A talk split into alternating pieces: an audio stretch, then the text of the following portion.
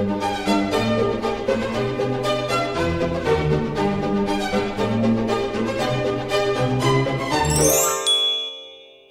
och välkomna till andra avsnittet av Kungligt. Vilken rivstart vi hade förra veckan. Ja, och vad roligt att så många har lyssnat och så många har hört av sig. Vi har fått mängder av eh, mejl och eh, kommentarer. Ja, och vi hoppas ju att ni är ännu fler nu som har hittat hit till våran kungliga podcast. Och den finns ju som eh, ni som har hittat vet säkert på Spotify, Acast, podcastappen, ni vet den här lila, lilla, vad säger man? Appen? appen i telefonen. Där finns vi nu också. Och eh, glöm inte att trycka på prenumerera-knappen eller på följ-knappen. Då missar ni inget avsnitt. Och då missar ni heller inget kungligt avsnitt. Som kommer ut varje fredag. Med mig Jenny Alexandersson och mig Sara Eriksson. Och eh, ni kan känna igen oss från tv-programmet Kungligt med Jenny Alexandersson som eh, finns på Aftonbladet Morgon och TV3.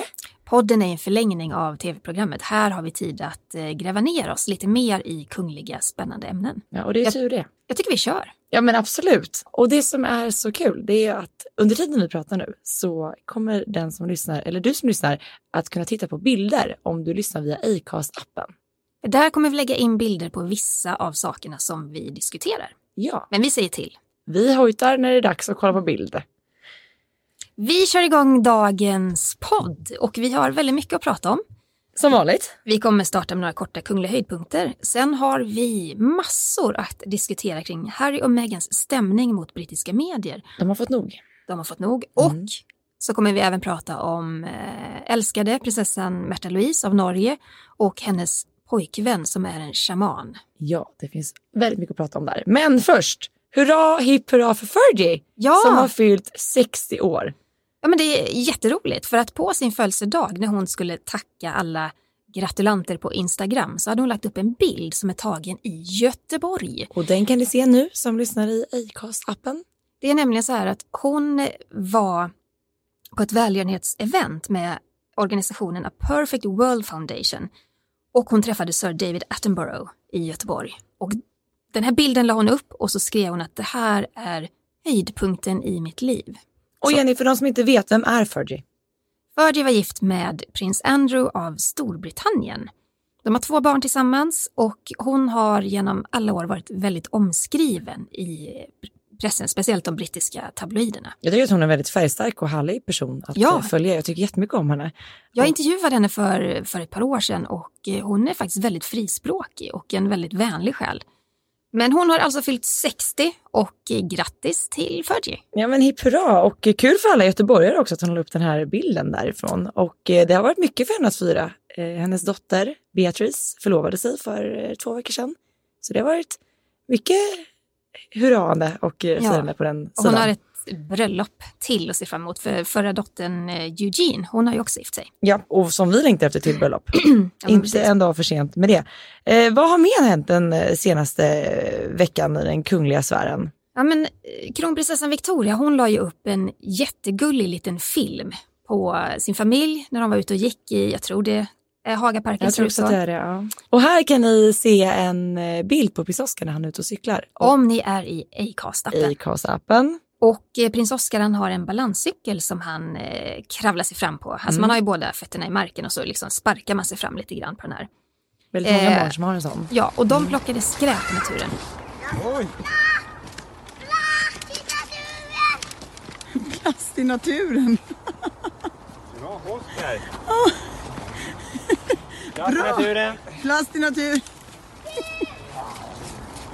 Nej, det gjorde de inte, för det var så här att Oskar började hojta väldigt glatt. Plast i naturen, mamma plast.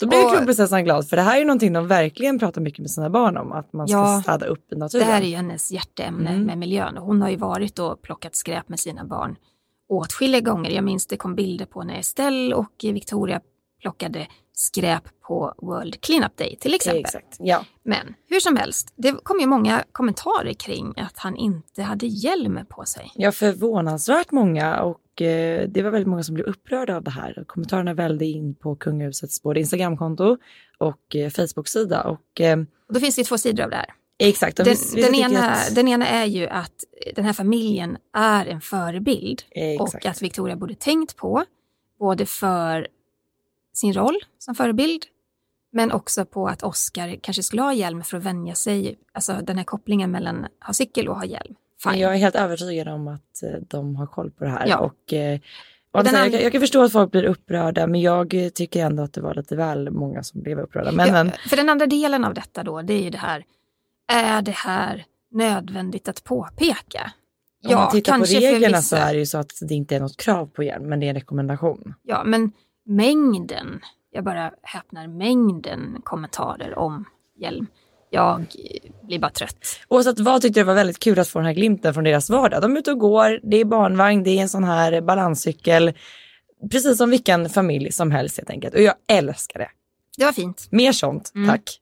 Nu ska vi kliva på det stora ämnet för dagens podd. Ja. Som, och det handlar om Harry och Meghan. Och här kan ni se en bild på Harry och Meghan om ni lyssnar på oss i Acast-appen.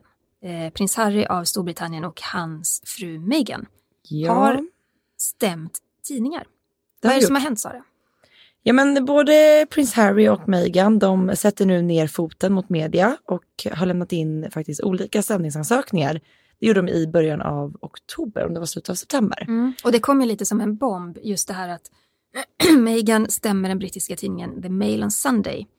Och den stora anledningen till att hon gör det, det är att de publicerade ett privatbrev som hon skickade till sin pappa. Ja, och som säkert många av er som är intresserade av kungligt och som eh, lyssnar på den här podden har ni säkert koll på att det har varit väldigt, väldigt eh, stormigt och eh, Meghan har ju en väldigt trasslig relation med sin far.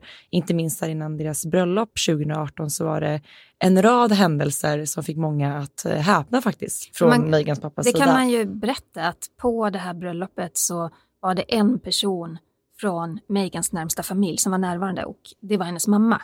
Precis. Pappan och halvsyskonen var inte där. Så man kan säga så här att hennes del av kyrkan var ganska tom om man tänker på släktingar. Exakt, så att han, eh, hennes far då närvarade alltså inte vid eh, bröllopet och i efterhand så har han skyllt på hjärtproblem.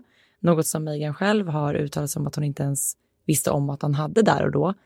Eh, så att hon fick helt enkelt, hon gick fram till altaret ihop med prins Charles istället för sin far. Vilken var en, det var en fin symbolisk eh, sak att göra tycker jag av prins Absolut, Charles. Absolut, men inte nog med det att hennes far inte dök upp vid bröllopet så har han ju även baktalat henne väldigt, väldigt många gånger. Ja, men det finns en historia av att eh, Thomas Markle har då pratat med brittisk press eh, gång på gång. Eh, han har pratat om sin dotter, relationen till Harry och eh, det här har väl brittiska medier, kan vi nog säga, gottat sig ganska mycket i. Det har liksom varit en följetong i, i tabloiderna där.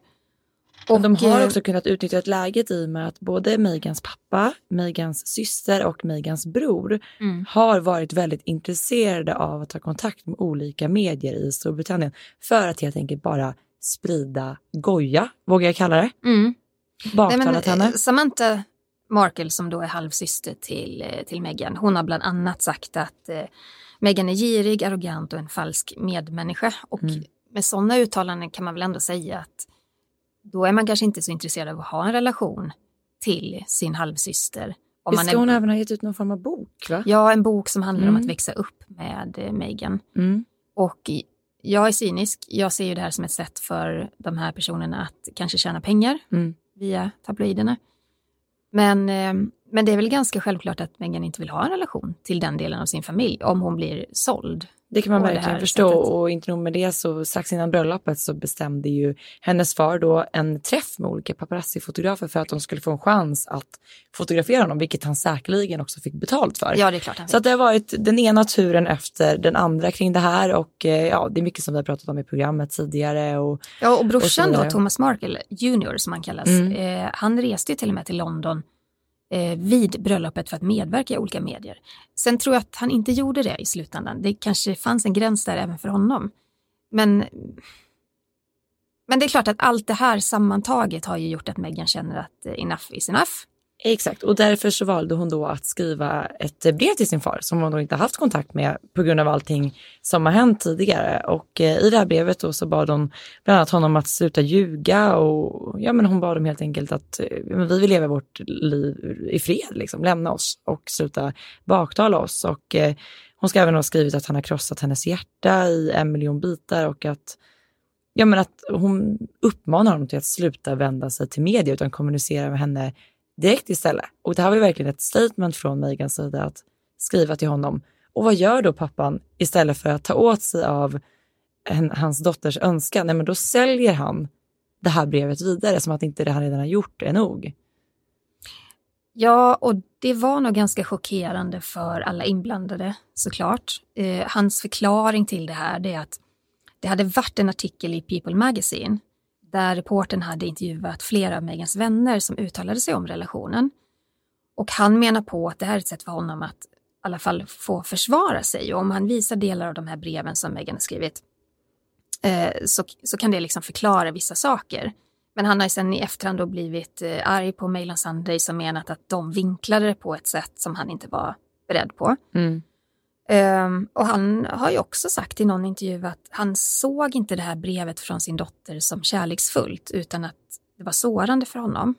Det att hon kanske då gör, satt, satte ner foten mot honom? Ja, eller? det kanske gör att det är lättare för honom då att, eh, att sälja det, vad vet jag. Men eh, det var droppen för Meghan och Harry mm. att se det här brevet i tryck. Och det har då lämnats in en stämningsansökan eh, och det kommer bli en, eh, en juridisk process kring process det här. Liksom. Kring det här såklart. Mm.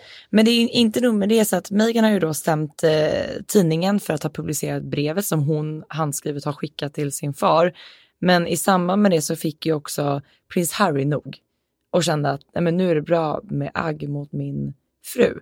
För det är någonting vi faktiskt har pratat om tidigare i programmet och vi har samtalat om det också, Jenny, att Meghan får utstå så otroligt och oacceptabelt mycket skit från ja, men alla möjliga håll. Jag var inte riktigt eh, beredd på det. Jag, alltså jag läste på Instagram eh, när hon hade lagt upp att hon har lanserat en klädkollektion mm. eh, där pengarna går till välgörenhet. Eh, varje person som köper ett par byxor eller en, en blus skänker då samtidigt och det vill liknande att plagg. Då kan ni se bilder på här nu i Acast-appen ja. från den här lanseringen när hon eh, lanserade kläderna. Kolla in de här kläderna. Ja. Eh, varje plagg som köps genererar också ett plagg till en person som inte har råd att mm. betala mm. för de här mm. plaggen. Ett väldigt bra initiativ tycker vi. Ja, men då fylldes ju det här kommentarsfältet av så mycket hat. Och jag var ju medveten om att det finns två läger, eh, främst i Storbritannien kring Meghan. De som hatar henne och de som älskar henne. Men att det var så, att det var så starkt. Men folk skriver saker som att hon är fejk och att hon bara spelar en roll. Och att hon har förstört relationen mellan Harry och William. Alltså det är ganska grova påhopp och det här är bara några få grejer. Och rasistiska påhopp. Exakt. Och jag vet att man, både du och jag har till och med ställt, för det har ju även figurerat i kanaler som vi har hand om i Kungligt, att folk skriver mm. elaka kommentarer och man ställer frågan varför? Var, var, varför tycker du så här? Var, vad är det som pågår? Man får inget bra svar utan det är bara... Ja, men jag, alltså jag hade en, en konversation med en person som eh, faktiskt vettigt gav en förklaring. Men det här handlar ju också om det handlar om att man ser på den brittiska kungafamiljen på ett visst sätt att, eh, att en främmande fågel nu kliver in och faktiskt tar plats och en stark kvinna eh, kanske inte faller riktigt i god jord hos alla. Vilket är helt sjukt 2019. Och sen, men... sen kan man också säga så här, hon är helt ny i sin roll. Det är väl självklart att hon spelar en roll när hon representerar. Vad annat ska hon göra? Hon är inte född till det här. Nej. Hon måste gå in i en roll. Ja. Eh, sen om folk ser igenom det eller inte, fine, man kanske ska se på resultatet. Vad händer genom hennes engagemang? Mm. Kan det generera någonting bra? Man kan alltid ha åsikter om personer man inte gillar eller tycker är fejk och det ena med det andra. Men, men just att sprida det här hatet, det kanske också är ett barn av vår tid. Det är så här det ser ut. Alla dessa eh, nättroll liksom. Det är så lätt att trycka på tangenterna när man gömmer sig bakom mm. eh, ett konto. Men, men alltså det, man, man ska också ta det här på allvar. Att, eh, så är det även här i Sverige när man tittar på till exempel prinsessa Sofia, hur mycket näthat eh, hon mötte. Eh, Vilket hon det, också nu arbetar för att Det sägs alltid lite slarvigt. Ja, det, det sägs så slarvigt att men folk är så avundsjuka. Nej, det, det handlar om helt andra mekanismer. Eh, det är inte bara avundsjuka, det är något helt annat också som, som liksom klickar in i människor. Mm. Men som du säger, de har ju väntat till någonting bra här i Sverige. Prins Carl Eh. Philip och prinsessa Sofia arbetar ju verkligen aktivt mot det här med näthat, sätter ner foten. Vi pratade om förra veckan, den här hashtaggen var nej till näthat. Mm. Eh, för att verkligen göra ett statement nu, att nu får det vara nog. Man ska våga stå upp för sig själv, stå upp för andra och verkligen säga ifrån. Och eh, det är ju lite det Harry gör också, för han tog det liksom till det hör väl ändå till ovanligheten att en kunglighet gör denna typen av uttalanden som prins Ja, Harry berätta gjorde. om brevet. Ja, men för att han, eh, han fick nog helt enkelt och via då Buckingham Palace satte ner foten i ett eh, uttalande. Eh, där han bland annat då säger att han fått nog av brittiska tabloiders bevakning av hans familj. Han säger att han inte längre tyst kan se på när Meghan lider och att brittiska medier har fört en hänsynslös kampanj mot hans fru det senaste året. Under Meghans graviditet och under parets son Archies första månader i livet. I det här uttalandet då så tar han även upp sin framlidne mor Dianas situation och tragiska öde. Där bland annat säger så här, det är min största rädsla att historien upprepar sig. Jag förlorade min mamma och nu ser jag min fru falla offer för samma kraftfulla makt. Det är ju starkt gjort. Eh, Men det är inte första gången han skriver ett öppet brev på det här viset. Det gjorde han även i början av deras relation. Mm. Eh, För då fick ju Meghan också stå ut med paparazzi-fotografer och det var väldigt mycket negativa kommentarer kring henne.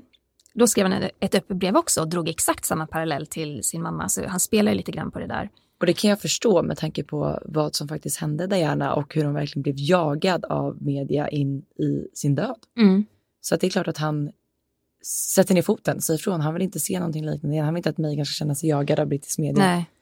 Och eh, undrar om det var eh, undrar om det var den här tidningen som, som Meghan stämde. Vi såg ju någon Instagram-inlägg eller tweet ifrån dem där de plötsligt gullade jättemycket med Meghan. Så kanske tog det skruven då på något Ja, men sätt. kanske men det. Ja. Nästa steg för Harry och Meghan var ju också eh, en annan stämning. Mm. Eh, de stämmer The Sun och The Mirror. Och det handlar om att eh, Harry ska ha fått sin mobiltelefon hackad. Det kan vara så att det här rör sig om något som ligger lite längre tillbaka i tiden. Mm. Det finns en historia eh, kring att flera kändisar och eh, kungafamiljen fått sina telefonsvarare på mobiltelefonerna avlyssnade eller hackade av, av reportrar.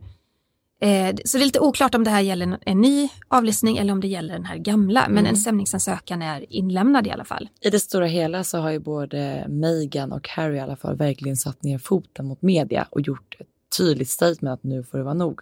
Och jag hoppas verkligen att de kommer att få mer respekt av det här, att folk liksom vågar Samt, backa. ja, samtidigt så, så är det ju så här att i den här rollen får man nog stå ut med att bli omskriven. Men det är, skillnad, det är som skillnad på att bli omskriven eller bli som trakasserad som Absolut. har blivit. Och framförallt då av dessa nättroll Absolut. och det här med att publicera ett brev som hon har skickat till sin far, det är ju väldigt hänsynslöst. Brittiska tabloider har ju en helt annan kultur. Mm. Många kan klaga på Aftonbladet och Expressen att vi eh, har stora rubriker kring, kring saker. Eh, kollar man i Storbritannien så är ju tabloiderna där och den kulturen eh, snäppet värre. Mm. Exakt. Och eh, att publicera ett brev eh, på det här viset hade nog aldrig kunnat hända i Sverige. Det tror inte jag heller. Och eh, det har ju hänt tidigare, som vi pratade om också, att de har stämt ti- tidningar tidigare och eh, prins Harrys bror då, prins William, han stämde ju franska tidningen Closer efter att de faktiskt helt hänsynslöst publicerade topless-bilder på hans fru Kate. Och där kan man ju säga, hade hon varit på en publik strand eh, topless, ja, då kanske man får tåla att bli plåtad. Men det här var på ett inhägnat privat område. Eh, det finns ju ändå etiska regler kring det här. Mm, Eh, självklart. Och jag tror faktiskt att de jag tror faktiskt att de vann den där Mm. processen. Det var mot tidningen Closer, i, en fransk Ja. tidning. Men det här med eh, Kate och eh, Meghan då, många pratar ju som att det är två läger, antingen är man team Kate eller också så är man team Meghan. Mm. Vilket också är lite märkligt, så här typiskt grej att man ska ställa två kvinnor mot varandra är väldigt svårt för det där. Mm. Men hur liksom såg det ut när, när Catherine då, som hon heter, ska sägas, klev in i det brittiska kungahuset? Fick hon utstå samma på som Meghan eller hade hon lite längre startsträcka? Eller liksom, hur, hur uppfattade du det ju- som bevaka? Hon blev ju också väldigt omskriven och det rotades i hennes bakgrund. Och, eh, och det tycker jag är helt okej. Jag menar, här är en person som ska bli en del av det mest offentliga i Storbritannien. Mm. Eh, men jag upplever inte att hon blev lika eh, det var inte lika elakt, det var inte lika utstuderat. Hon, hade, hon har en helt annan bakgrund. Eh, och det spelar såklart också in med en, en helt annan typ av eh, uppväxt och, och, familj. Här var det så tacksamt att Meghan hade ett drama i sin familj, att det fanns någonting trasigt som man kunde hänga upp det på. Eh, så Kate kom väl lindrigare The number one selling product of its kind with over 20 years of research and innovation. Botox Cosmetic, onabotulinum toxin A, is a prescription medicine used to temporarily make moderate to severe frown lines, crow's feet, and forehead lines look better in adults. Effects of Botox Cosmetic may spread hours to weeks after injection, causing serious symptoms. Alert your doctor right away as difficulty swallowing, speaking, breathing, eye problems, or muscle weakness may be a sign of a life threatening condition. Patients with these conditions before injection are at highest risk. Don't receive Botox Cosmetic if you have a skin infection. Side effects may include allergic reactions, injection site pain, headache, eyebrow and eyelid drooping, and eyelid swelling. Allergic reactions can include rash, welts, asthma symptoms, and dizziness. Tell your doctor about medical history, muscle or nerve conditions including ALS or Lou Gehrig's disease, myasthenia gravis, or Lambert-Eaton syndrome and medications, including botulinum toxins, as these may increase the risk of serious side effects. For full safety information, visit BotoxCosmetic.com or call 877-351-0300. See for yourself at BotoxCosmetic.com. Undan. Jag kan inte låta bli att tänka så här, jag tror att det kan vara så att folk har lite problem med att Meghan ändå har haft en sån framgångsrik karriär innan de kliver in i kungahuset. Skådis, levt liksom skådespelarlivet i USA och så vidare. Tror att också det gör att människor vågar hoppa på henne på ett annat sätt än vad man gjorde mot Catherine. Ja, Man tror att hon ska tåla det på något sätt. Ja. Någon konstig så är, så är det nog. Eh, Grace Kelly som också var stor skådespelerska gifte in sig i, i Monacos kungahus. Det var långt före mobiltelefonerna, Långt Twitter före Instagram och nätroll. Ja, eh, men det är klart att det skrevs spaltmeter om henne också. Mm. Idag, idag blir skriverier kring sådana här personer mycket mer utstuderade, mycket mer eh, inunder skinnet. Mm. Eh, väldigt privat och eh, dramatiskt. Man ska inte heller sticka under stol med rasismen. Megans mamma eh, är ju afroamerikan. Och eh, jag tycker mig märka bland kommentarer och nättroll också att det där kommer fram. Mm. Alltså det är ju någonting där som folk eh, hakar upp sig på. Och, eh, och framförallt, precis som du säger, hennes bakgrund som skådespelerska, det är någonting lockande i det där. Lite grann att eh, den här kvinnan ska stå ut med det här och, Mm. och vi har rätt att rota i, i hennes eh, familjedrama. Mm. Ja men eh, det finns ju såklart många andra konsekvenser förutom att de sätter ner foten och vi redan vet om både prins William och prins Harrys relation till media som vi sa tidigare med tanke på deras mors tragiska död och så vidare. Alla de här påhoppen och alla de här omskrivelserna det gör ju att de backar tillbaka ännu mer i den mån de kan. Vi ser ju till exempel att de valde att bosätta sig i Frogmore House istället för att bo kvar inne i, i London. Det, det ska sägas att det är alltså utanför London så att de, Precis. de bor inte med närheten. Och ganska, ganska avskilt. Mm. Och det gör ju också att de, det är kanske är det som är anledningen till att de inte ville visa bilder på sin son Archie till en början. Det är ju först nu egentligen för två veckor sedan vi fick ta del av bilder på Mm. honom. Innan dess har vi bara sett då första gången de visade upp Archie och då höll de honom i famnen så det var inte mycket vi såg av honom. Att, Och det här leder till en ond cirkel. mm, Eh, det har vi sett även här i Sverige, att drar man sig undan på det viset så blir medierna ofta ännu mer intresserade av att eh, eh, skriva. Som med prinsessan Madeleine som har flyttat utomlands till exempel. Och det har vi pratat om väldigt mycket att just det här med att genom att man kanske delar med sig av mer bilder eller vågar visa upp sig mer så blir också media på ett sätt mättade och inte rotar eller letar lika mycket. Så att ja, vi får se. Och nu väntar vi såklart att se vad som kommer hända med de här. rättsprocesserna Ja. och vad, vad de leder fram till. Mm. Jag kan tänka mig, bara spekulera nu, att i det här fallet med eh, eh, det privata brevet, Mm. För där handlar stämningsansökan om eh, dels GDPR-lagen men dels också att de har gjort ett intrång i hennes eh, privatliv. Mm. Och där tror jag att det finns ganska eh, starka regler i Storbritannien också kring detta. Det återstår att se och Mm. här i Kungligpodden håller vi er givetvis uppdaterade om den saken. Vi fortsätter prata om detta. Det gör vi sannerligen. ja. Ska vi ta och rikta fokus mot vårt grannland och prinsessan Märta Louise och hennes pojkvän Shaman Durek? Det gör vi. Prinsessa Märta Louise av Norge är ju en jättespännande person. Mm. Eh, hon har gått helt sin egen väg ända från början. Eh, hon har ju berättat om sin barndom, eh, hur hon var högkänslig. Mm. Inte alls trivdes i den här offentliga rollen utan gärna drog sig undan. Hon var ganska mycket av en pojkflicka också. Och vi passade inte in i den här mallen som hon upplevde.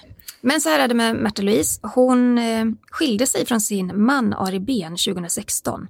Då hade de varit gifta i 14 år. Och de har barnen Maud, Lea och Emma tillsammans. Och det ska ju sägas att relationen med Ari Ben var ju också ganska ifrågasatt. För han är, eh, han är en frispråkig eh, författare och eh, konstnär. Yes, det har man kunnat läst och följt Ja. ganska mycket. Men som du säger, jag gillar verkligen Märta Louise just för att hon gör sin grej. Hon har ju också avsagt sig sin HKH-titel. I samband med, eller det var innan bröllopet med Ari Ben Mm. så, ehm, ja, så avsade hon sig sin eh, kungliga status. Hon är Mm. fortfarande prinsessa, Exakt. men, eh, men inte hennes kungliga höghet. Och Och det hon har gör också att hon varit kan... väldigt mån att kunna jobba och Ja. eh, liksom driva sina projekt på sidan av. Och det var ju säkert också mycket därför hon valde att eh, ännu mer gå sin väg. Hon har sysslat med änglaskola, hon har sett böcker om just eh, högkänslighet och, och gjort reklam för de här vid sidan av såklart. Och det har varit väldigt ifrågasatt. Absolut, det hade varit, men jag menar bara att hon har ju kunnat gå sin väg lite mer i alla fall om, när det inte är kunglig höghet. Men det har ändå blivit väldigt ifrågasatt som du säger. Och eh, i, var det i maj i år som eh, hon gick ut via Instagram och eh, avslöjade då sin nya relation. Hon är tillsammans med en shaman. Man får väl säga att det är ju ingen, det är väl en självutnämnd titel. Mm. Eh, men han heter eh, Derek. De träffades i oktober 2018 och hon skrev bland annat så här. Han har fått mig att inse att ovillkorlig kärlek finns. Vilket, och, det, och man gläds med henne för att det är klart att det är helt fantastiskt att vara förälskad och träffa någon ny. Han har tydligen kommit in i familjen och känner barnen jätteväl och sådär. Men i och med det här så blev det ju ganska snart ett stort mediepådrag och ifrågasättande kring hennes val av partner och eh, det var nog fler som var upprörda än glada som vi var för hennes skull och eh, det dröjde inte lång stund innan hon också fick nog och Mm. via Instagram satte ner foten där hon bland annat skrev så här Sara, vi pausar här lite grann. Vi måste bara ta in det här att det här är en prinsessa av Norge med delvis en offentlig roll kvar. hon titulerar ju fortfarande sig själv som Ja, prinsessa Märta hon blir tillsammans med en shaman. mm. Och en shaman tror på andar. Eh, en shaman utövar olika tekniker för att driva ut andar. Eh, om ni kollar och lyssnar på oss i Acast-appen kan ni se en bild nu på Märta Louise och eh, shaman Derek Verrett som han heter. Eh, alltså det är ju inte så att vi... Alltså det här måste man ju ändå poängtera att det är ytterst ovanligt. Mm. Eh, Märta Louise har rätt att tro på precis vad hon vill och bli förälskad i precis vem hon vill. Men det kan ju också vara berättigat att det varit så ifrågasatt. Mm, för det blev ju väldigt ifrågasatt och det är fortfarande väldigt ifrågasatt. Och eh, då fick ju också Märta Louise nog och satte ner foten där hon eh, i ett citat på Instagram skriver att det är inte upp till er att välja eh, för mig eller att döma mig. Jag väljer inte min man för att tillfredsställa någon av er eller normerna eller facken som ni valt att stoppa in mig i. Och det kan man ju vara överens med henne om. Absolut. Alltså hon är en människa med precis samma rättigheter som alla andra. Eh, men hon måste också förstå att det kommer reaktioner på hennes val. Men det jag tror har blivit grejen med det här, det är inte bara hennes, alltså att, att han är shaman, utan det är också hela grejen runt om. Det hon har gjort reklam för hans eh, böcker, hans företagande, hans föreläsningar, hans, eh, vad säger man, treatments och allting via sitt via sin prinsessroll. Hon har använt sitt prinsesskonto på Instagram för att marknadsföra shamanens verksamhet. Och framförallt då den här föreläsningsturnén som hon gjorde tillsammans med honom som fick namnet Prinsessan och Shamanen. Och det här är någonting, det gick ju ända upp till högsta ledning på Kungliga slottet Mm. i Norge kan man väl säga. Fick eh, kronprins Haakon ta henne i örat. Ja, och han gjorde ett uttalande kring det där också, att han önskade ha en diskussion kring användandet av eh, prinsesstiteln i kommersiella sammanhang. Ja, och vad resulterade det i då? Nej, men hon gjorde ju avbön sen. Mm. Hon gjorde ett långt och fint inlägg om att hon i fortsättningen ska skilja mellan eh, hennes offentliga roll och den mer privata. Och det är det privata Instagramkontot som hon sen skapade. Som då- am Märta Louise tror jag det heter. ja, Mm. som hon fortfarande gör reklam för. Väldigt mycket ska sägas. Till exempel för shamanens eh, debutbok nu som har kommit som heter Spirit Hacking. Yes, där ska man alltså kunna på något sätt hacka sin egna ande Ja, tror jag. ja men det handlar mycket om Mm. mm. shamantekniker som då ska få en att må bättre och, och det ena med andra. Och vi säger en gång till, alla människor är fria att tro på precis vad de vill. Absolut. Eh, och Märta Louise i allra högsta grad. Men det här blir problematiskt. Äv, jag, jag tänker även fastän hon nu skiljer på sin offentliga Men var roll. går gränsen egentligen? Eh, Hur mycket reklam får man göra för eh, i sådana här kommersiella sammanhang oavsett om man heter I am Märta Louise eller Princess? Alla vet ju fortfarande och- vem hon är Ja men exakt. och vad hon är. Och att de till och med då började som du sa att döpte någonting de hade ihop med shamanen och prinsessan. Mm. Var går gränsen? Vad får man egentligen göra? Om vi ska titta, skulle det här kunna hända i Sverige? Eh, jag, jag, jag kan inte ens se det framför mig.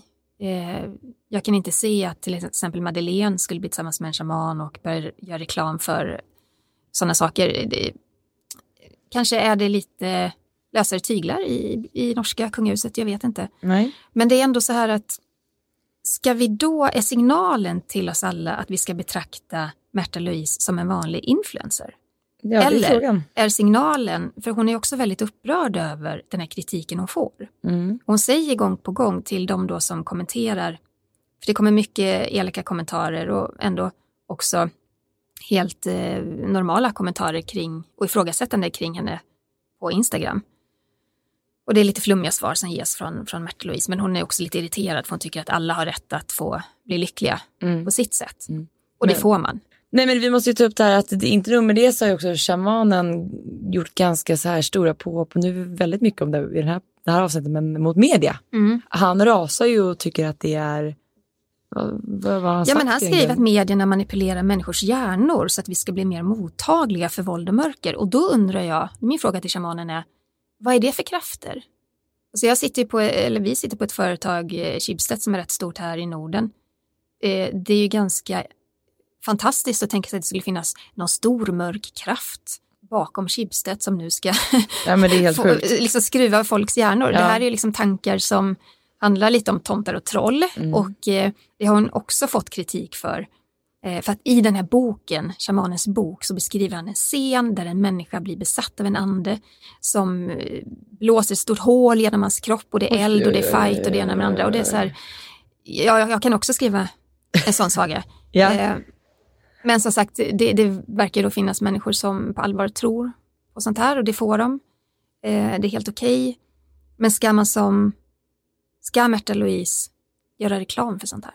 Ja, det är frågan och det är ju väldigt ifrågasatt och det kommer troligen att förbli väldigt ifrågasatt och inte nog med det så kom ju nu som en bomb här, var det en vecka sedan, att eh, då har även shamanen gjort ett uttal i ett podcastavsnitt som var allt annat än okej oavsett om det handlar om en kunglighet eller en privatperson, ens flickvän, ens pojkvän, whatsoever. Den var... Han pratade väldigt öppet om sitt sexliv. Han pratade om antal gånger eh, någon får orgasm och det ena med det andra. Det här är väldigt, väldigt privat och väldigt intimt. Hade jag varit Märta Louise hade jag inte velat att han pratade om sådana här saker.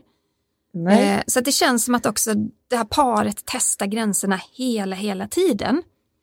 Och eh, hon har också fått en del försvar, ska vi lägga till.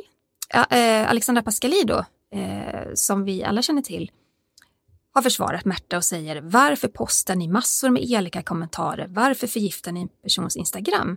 Särskilt när du inte vet något om saken. Kanske borde du reflektera och hitta ljuset inom dig istället. Jag tycker det är ett jättefint försvar. Men, men man måste också se det här ifrån en vinkel ovanifrån på något vis. Att, eh, hur mycket kan man töja på gränserna kring en offentlig roll? Jag tror det kommer bli, eh, liksom, vad, kommer det få något slut? Kommer det fortsätta? Vad, vad liksom kommer bli summan av det här? Jag vet inte, jag tror nog att sham- att shamanens affärer har blomstrat eh, tack vare den här uppmärksamheten. Det kostar från 700 dollar i timmen och uppåt att ha en eh, timmes session med honom.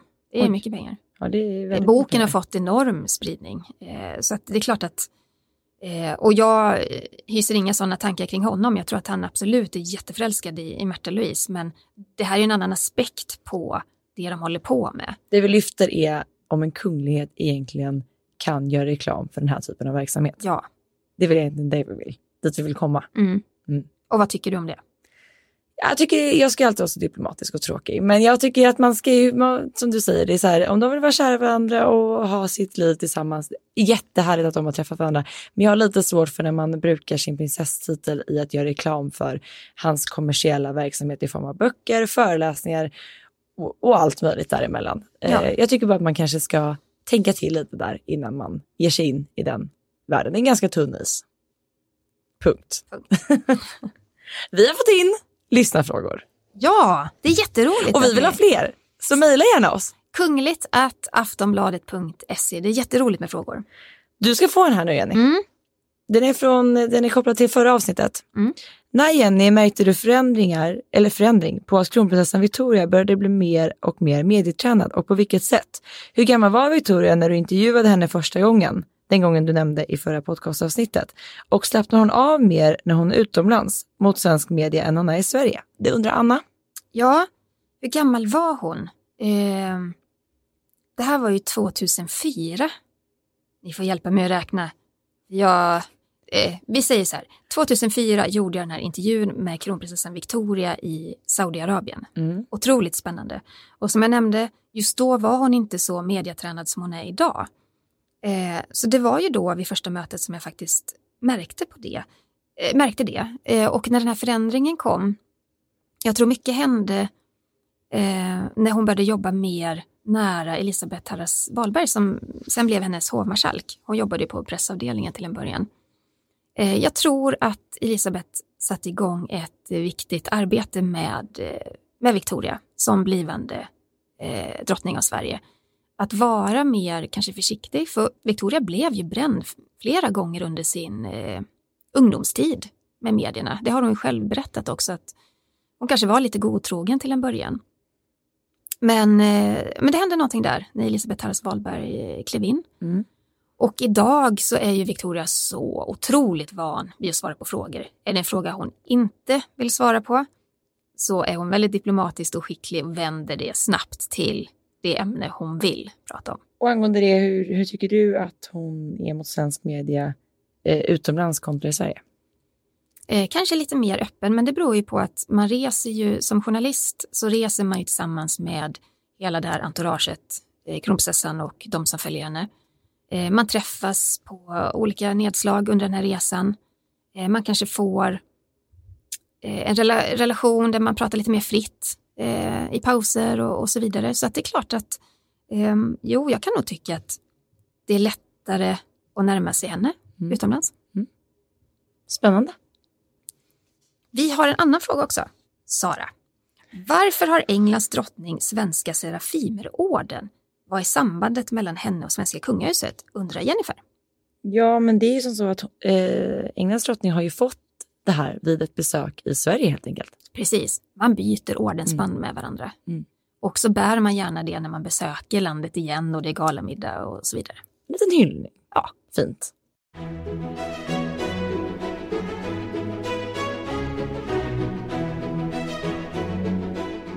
Men eh, den här podden är ju tillbaka även nästa fredag. Och vi är så glada att ni lyssnar. Och ni kan följa oss på Instagram, Kungligt. Gänget och jag finns på att eh, Kungligt med Jenny. Och mig hittar ni på royalistan.se. Säger man ens att? Nej. Ja, Kungligt med Jenny räcker. Ja. Kungligt med Jenny och royalistan.se. Skriv gärna in frågor och vi önskar alla en kunglig helg.